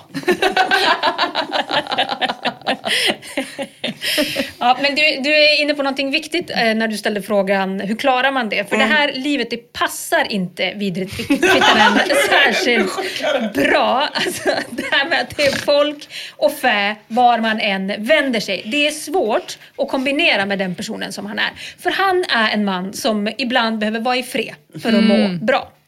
Han ser alltid till att kliva upp en timme innan resten av familjen på morgonen för att få ha hemmet för sig själv ett tag. Och sen när han åker till jobbet, ja då njuter han av att han har jävligt lång pendling. 45 minuter enkel väg. Och under bilfärderna så sitter han gärna och lyssnar på en julbo- ljudbok eller varför inte Creepy-podden.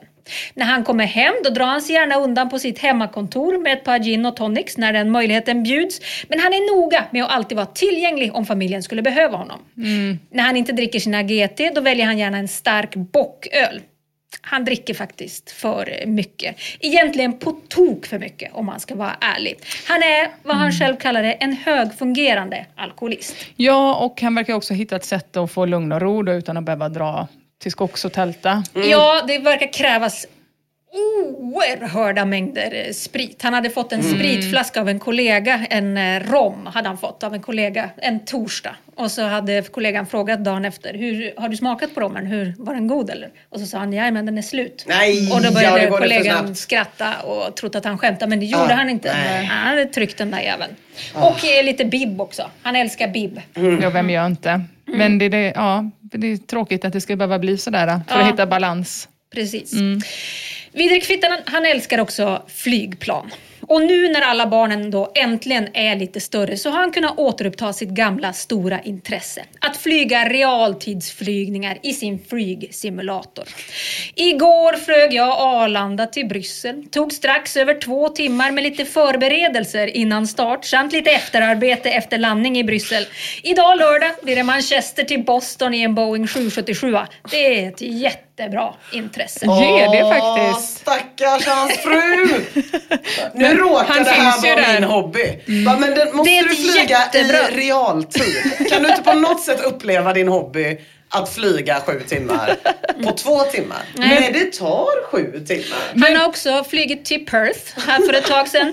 11 timmar tog det. Han uppmanade också Flashbackarna att inte skriva någonting till honom under tiden så han inte skulle behöva landa och Ja, eh, svara. och svara. För då tar det det. ännu längre tid. Mm. Just det, så är det ju även för riktiga piloter såklart. Exakt. Men vad är efterarbetet? Ja, Undrar man det, ju. det är väl, man ska väl städa efter sig och liksom, eh, styra lite med banan och sånt. Kolla så att allting fungerar. Ja. Ta upp taxfree-beställningar inför Ja. hemfärden. Hemfärden, ja. Kanske. Eh, I en tråd om tvångsutvisningar av två afghaner är Vidrik också väldigt, väldigt aktiv. Han följer planet som tar afghanerna ur landet via flightradar 24 och skriver just nu är flygplanet på väg in över exotiska Ukraina. Det var innan eh, kriget för övrigt. Sen det lyfte från Stockholm har jag hunnit läsa lite nyheter, gjort två mackor, ätit dessa och sen bajsat. På den tiden tar sig en flygmaskin från Stockholm till Ukraina. Reaktionsmotorn är sannoliken här för att stanna. Det är helt otroligt. Fy fan vad hemskt att bli utvisad till Afghanistan. Och så, sitter är det man någon. sånt simulationsmaterial för någon som typ helt utan att kommentera en situation bara leker med tanken på hur maskinen i flyget som tar tillbaka en till ett ställe man inte vill åka till där man kanske blir dödad funkar. Det är en väldigt Vilken killig... maskin! det är en väldigt killig Det är sak. jag måste säga giljotin och bara vara så. Någon som precis ska bli avrättad? Är det vanliga 7 7 skruv där uppe eller vad är det? Men också att vara partner till någon Ja. som sitter och följer. Ja, detta. Mm. Men han älskar inte bara flygplan, utan han älskar också den värld som flygplanen bjuder ut till honom. För han är en resenär i själ och hjärta. Och ensamresandet, det är Vidriks allra bästa förtjusning. Och det är just på grund av resandet som Vidrik för alltid har skrivit in sig i den Flashbackska historieboken. I egenskap av upphovsman till tråden brukar ni smygresa. Trådstarten den lyder så här. Förr om åren hade jag ett jobb där jag tvingades resa mycket, framförallt inom Europa, men även några turer till USA och ett par till Asien blev det. Jag klagade ofta högljutt över detta till min fru och jag blev till slut trött på frängandet att jag bytte tjänst där jag nu har uppdrag som innebär i stort sett noll utlandsresor. Men för några år sedan så började jag känna mig rastlös. Jag ville resa. Men jag ville resa privat och jag ville resa själv, utan fru och barn.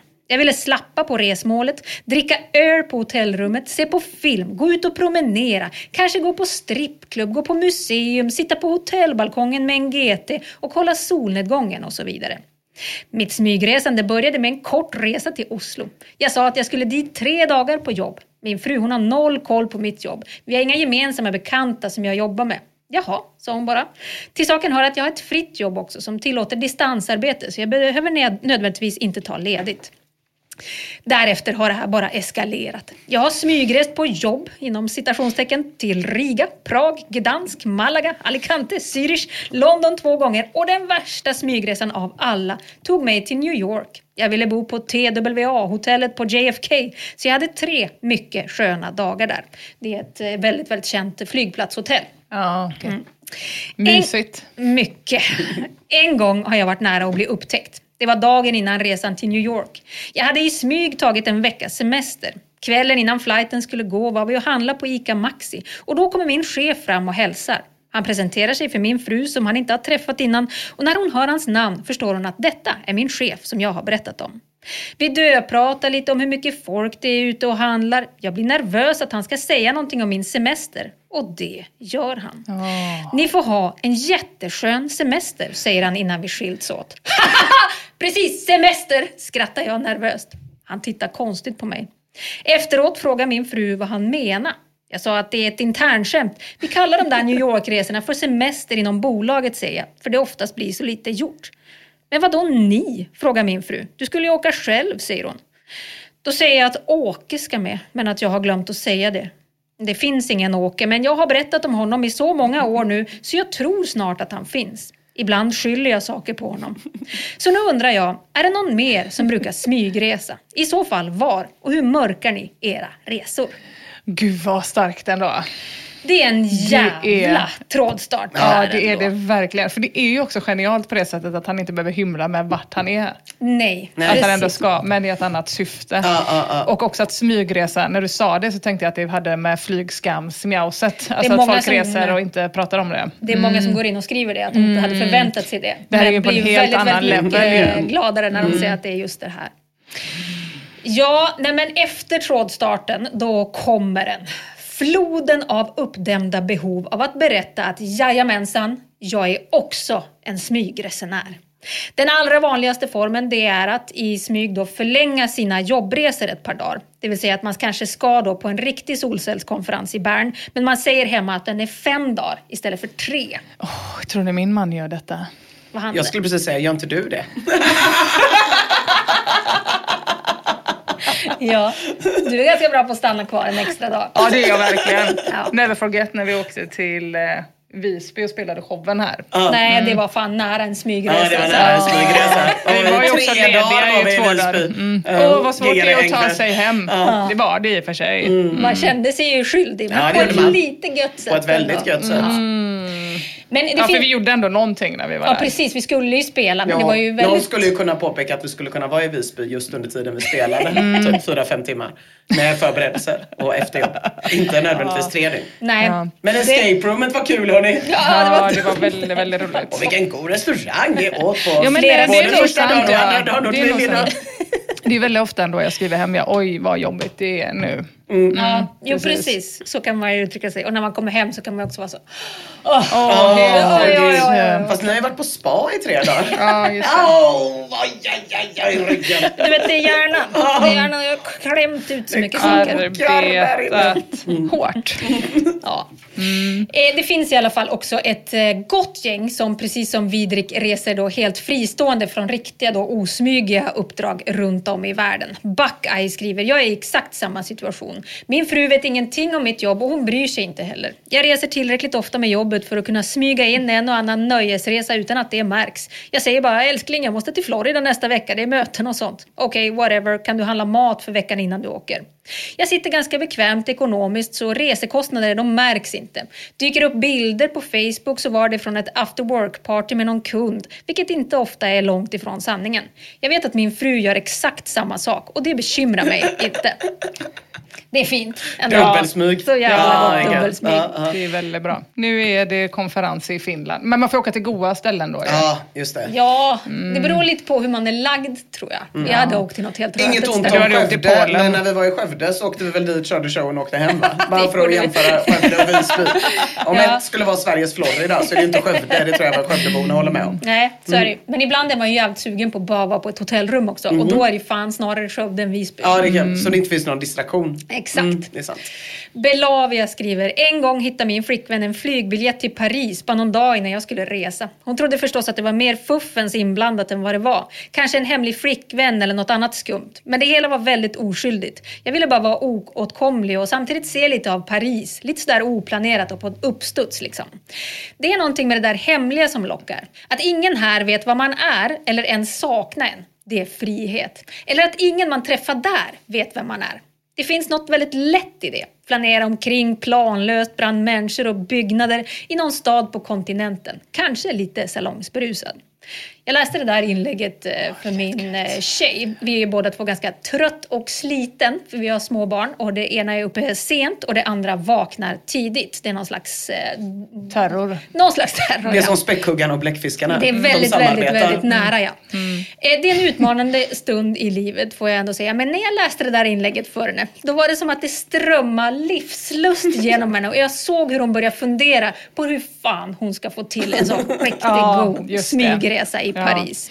Men man gör ju det där i småskala ändå ju på något sätt. Alltså så stannar, men, men, men framförallt, igår gjorde jag ju den att jag sa att jag skulle gå och handla. Och så gick jag till Red Lion och tog en öl. Mm. För det är ju nästan på väg. Det är bara en liten.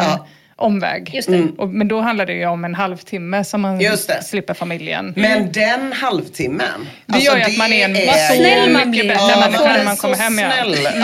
Ja, Och, är så därför, och därför tänker jag att man heller inte behöver berätta det. För Nej. att alla tjänar på det. Alla tjänar på väntölen. Ja, men Verkligen. gud vilket svin man är. Nej, vet du vad? Det är man faktiskt inte. Jag tycker fan inte det. Jag tycker det här är så jävla fint. Användaren Mischa83, han håller på med en sport som tar honom runt om i Europa. Och det har hänt att han har åkt på träningsläger som egentligen då har varit svinarresor med vänner. Och det tycker inte jag alls är samma sak. Det är mycket taskigare när man är flera Ja, som för.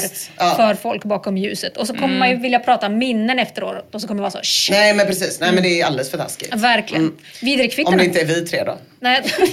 Då är det jätte, Då är jättesnällt. det helt. Exakt, jag börjar med så, hur mår hans partner? Och sen bara,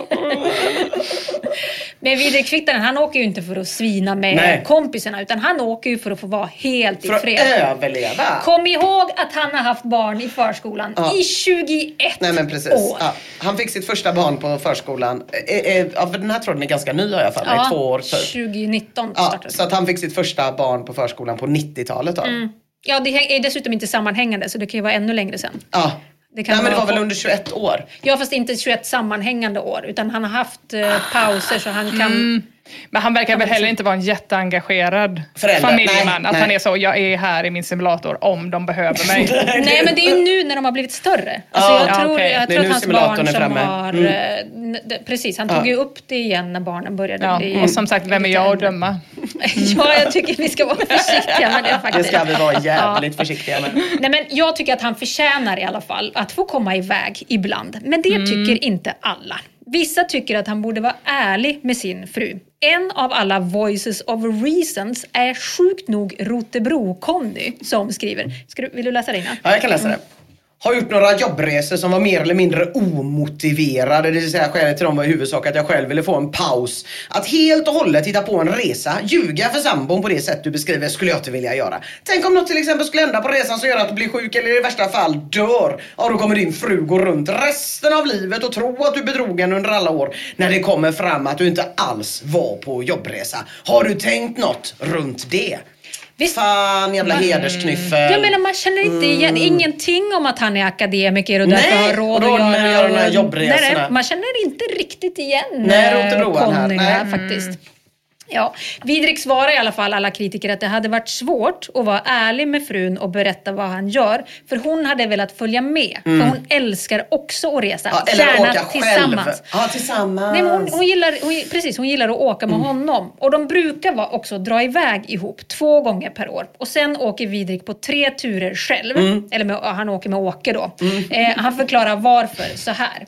På smygresorna vill jag göra sånt som hon hatar. Jag vill gå på krigsmuseum och vissa stora flygplatser har utkiksplatser där man kan se starter och landningar. Jag kan hänga en halv dag på ett sånt ställe. Och det finns ingen normal kvinna som gillar sånt. Sen gillar jag att bli full helt ensam också. Jag vill poängtera att jag inte har något fuffens för mig. Jag ljuger aldrig om vart jag ska resa. Jag håller inte på med prostituerade och sånt. Jag var på strippklubben Club Cabaret i Prag. Det är det enda. Men det var Åke som släpade med mig. Ja, alltså även om Åke är väldigt, väldigt, väldigt populär bland Flashbackarna, han är nästan mer älskad än Vidrik själv, så är det många som uttrycker viss oro för att det ska vara just han som till slut ska blow Vidriks cover. Taco Fiesta skriver, är Åkes primära syfte att förklä dina resor? Eller är han en grej du har hittat på för att roa dig själv och göra berättelserna för din fru ännu mer riskfyllda? Om det är det förstnämnda så tror jag att du är bäst i att kanske använda honom lite mer sparsamt och inte som huvudalibi i 100% av smygresorna. Vidrik svarar då att Åke han har varit med så länge nu att hans fru i princip känner honom. Han skriver Åke, jag har hängt med genom åren. Det är alltid han som vill gå ut på kvällen. Blir det sent då är det Åkes fel. Han har det lite jobbigt med drickandet som ju Vidrik själv också har av en tillfällighet. Så jag är ansvarsfull och ser till att jag är med till kvällens slut. Därför kan det bli rätt sent innan jag kan ringa och säga godnatt ibland. För det vill min fru gärna att jag gör. Hörre du du, lämna inte den där Åke i sticket nu bara om ni ska gå ut ikväll, brukar min fru säga över telefonen. Nej då, säger jag. Åh, gullig fru. Gullig fru, det är vissa som är så att hon vet ju att han inte finns. Aha. Alltså, det är klart, men hon låter det hållas. Ja. Jag tror inte riktigt Nej, det. Jag tror nej. Att hon Men för i så fall är hon en 100% övermänniska. Ja, jag menar det. Och jag, jag tror faktiskt att hon till 100 procent eh, tror att de två är ett sånt jävla radarpar. Ja, gud. Vilket de också är. det Nu blir jag orolig att ni inte finns på riktigt. Utan att jag har hittat på er för att få gå iväg några Det bevisade timmar. du väl med AI? Ja, sant Så ja. är. Nu är det fan mental fuck i huvudet. Mm. Eh, Vidrik eh, Fittanen, han frågar också frågor om ekonomin, alltså kostnaderna för resorna. Alltså märker inte frun av dem? Eh, två nätter i Gdansk, där Vidrik och Åke var för ett tag sedan. Bara det går ju loss på sju tuss, skriver Submariner. Men Vidrik svarar att de inte har en gemensam ekonomi och ingen av dem har någon aning om vad den andra gör med sina pengar. Det är det, eh, alltså perfekta förutsättningar för den här aktiviteten. Vidrik skriver, min mest meningslösa smygresa den minns jag med värme. Det var när jag åkte med Norwegian till Sturup från Arlanda. Bara för att få flygplanet med registreringen LN-NHC i min samling på Flightradar 24. Om man är medlem på eh, Flightradar 24, vilket jag är, businessmedlem, då kan man skapa en custom fleet. Så jag har min samling där. Den är ganska stor. Historiskt har jag sparat alla plan jag har flugit med sedan 1998. Så jag flög till Sturup, checkade in på Sturup Airport Hotel och jobbade. Käkade en mycket god middag på kvällen och tog upp ett par Eriksberg på rummet. Sen flög jag hem morgonen därpå. Dessvärre med en 737 som jag redan hade i samlingen. Jag måste till Malmö måndag, tisdag. Får knappt min fru att reagera. Jahopp, säger hon om sånt. Så det här var en extremt riskfri smygresa. Men jag fick ändå två gånger känna på den härliga känslan av att tryckas bakåt lite i flygstolen när CFM 56orna drar på. Jag fick också en god middag och en skön sömn. Jag älskar flygplatshotell.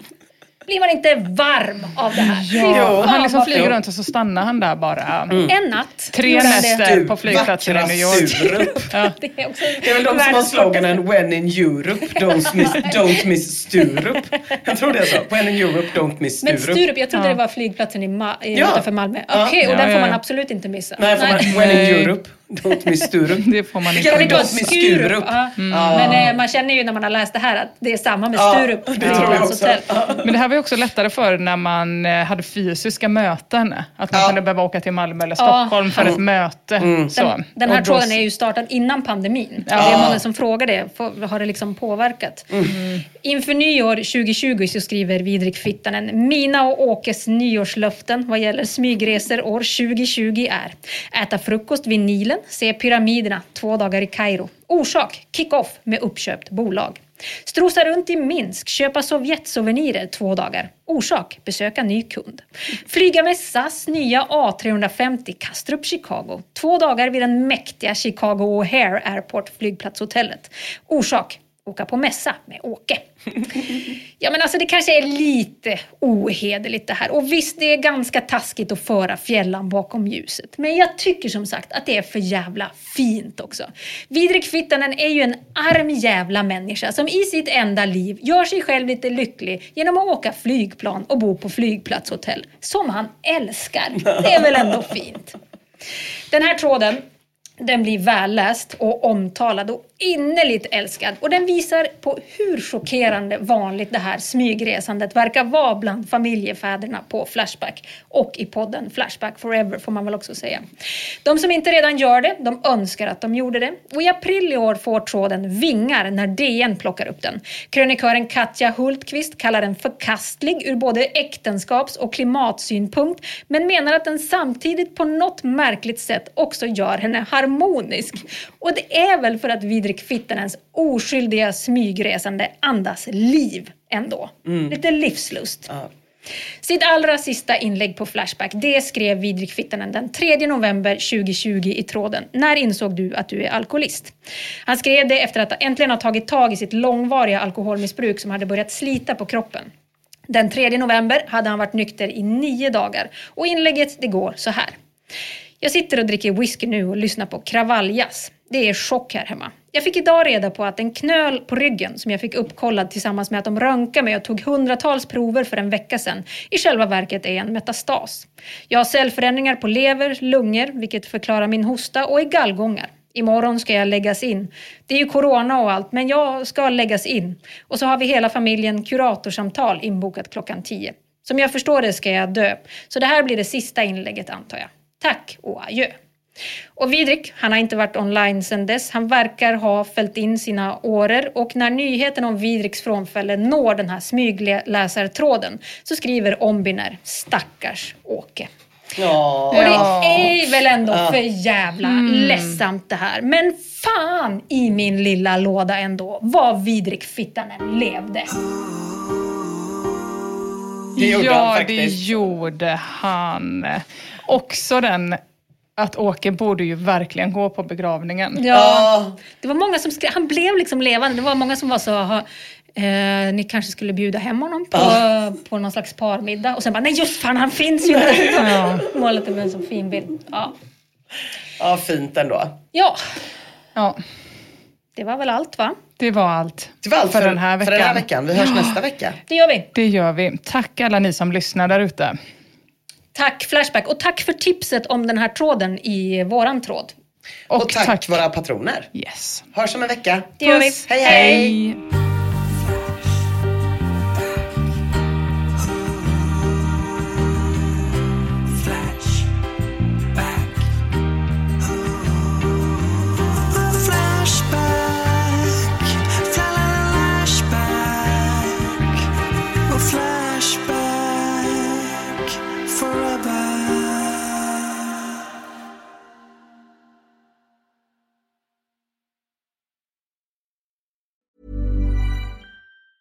Planning for your next trip? Elevate your travel style with Quince. Quince has all the jet setting essentials you'll want for your next getaway, like European linen, premium luggage options, buttery soft Italian leather bags, and so much more. And it's all priced at 50 to 80% less than similar brands. Plus, Quince only works with factories that use safe and ethical manufacturing practices. Pack your bags with high-quality essentials you'll be wearing for vacations to come with Quince. Go to quince.com slash trip for free shipping and 365-day returns. Hi, I'm Daniel, founder of Pretty Litter. Did you know cats tend to hide symptoms of sickness and pain? I learned this the hard way after losing my cat, Gingy. So I created Pretty Litter, a health monitoring litter that helps detect early signs of illness by changing colors, saving you money and potentially your cat's life. Pretty Litter is veterinarian developed, and it's the easiest way to keep tabs on your fur baby's health right at home. Go to prettylitter.com and use code ACAST for 20% off your first order and a free cat toy. Terms and conditions apply. See site for details. Planning for your next trip?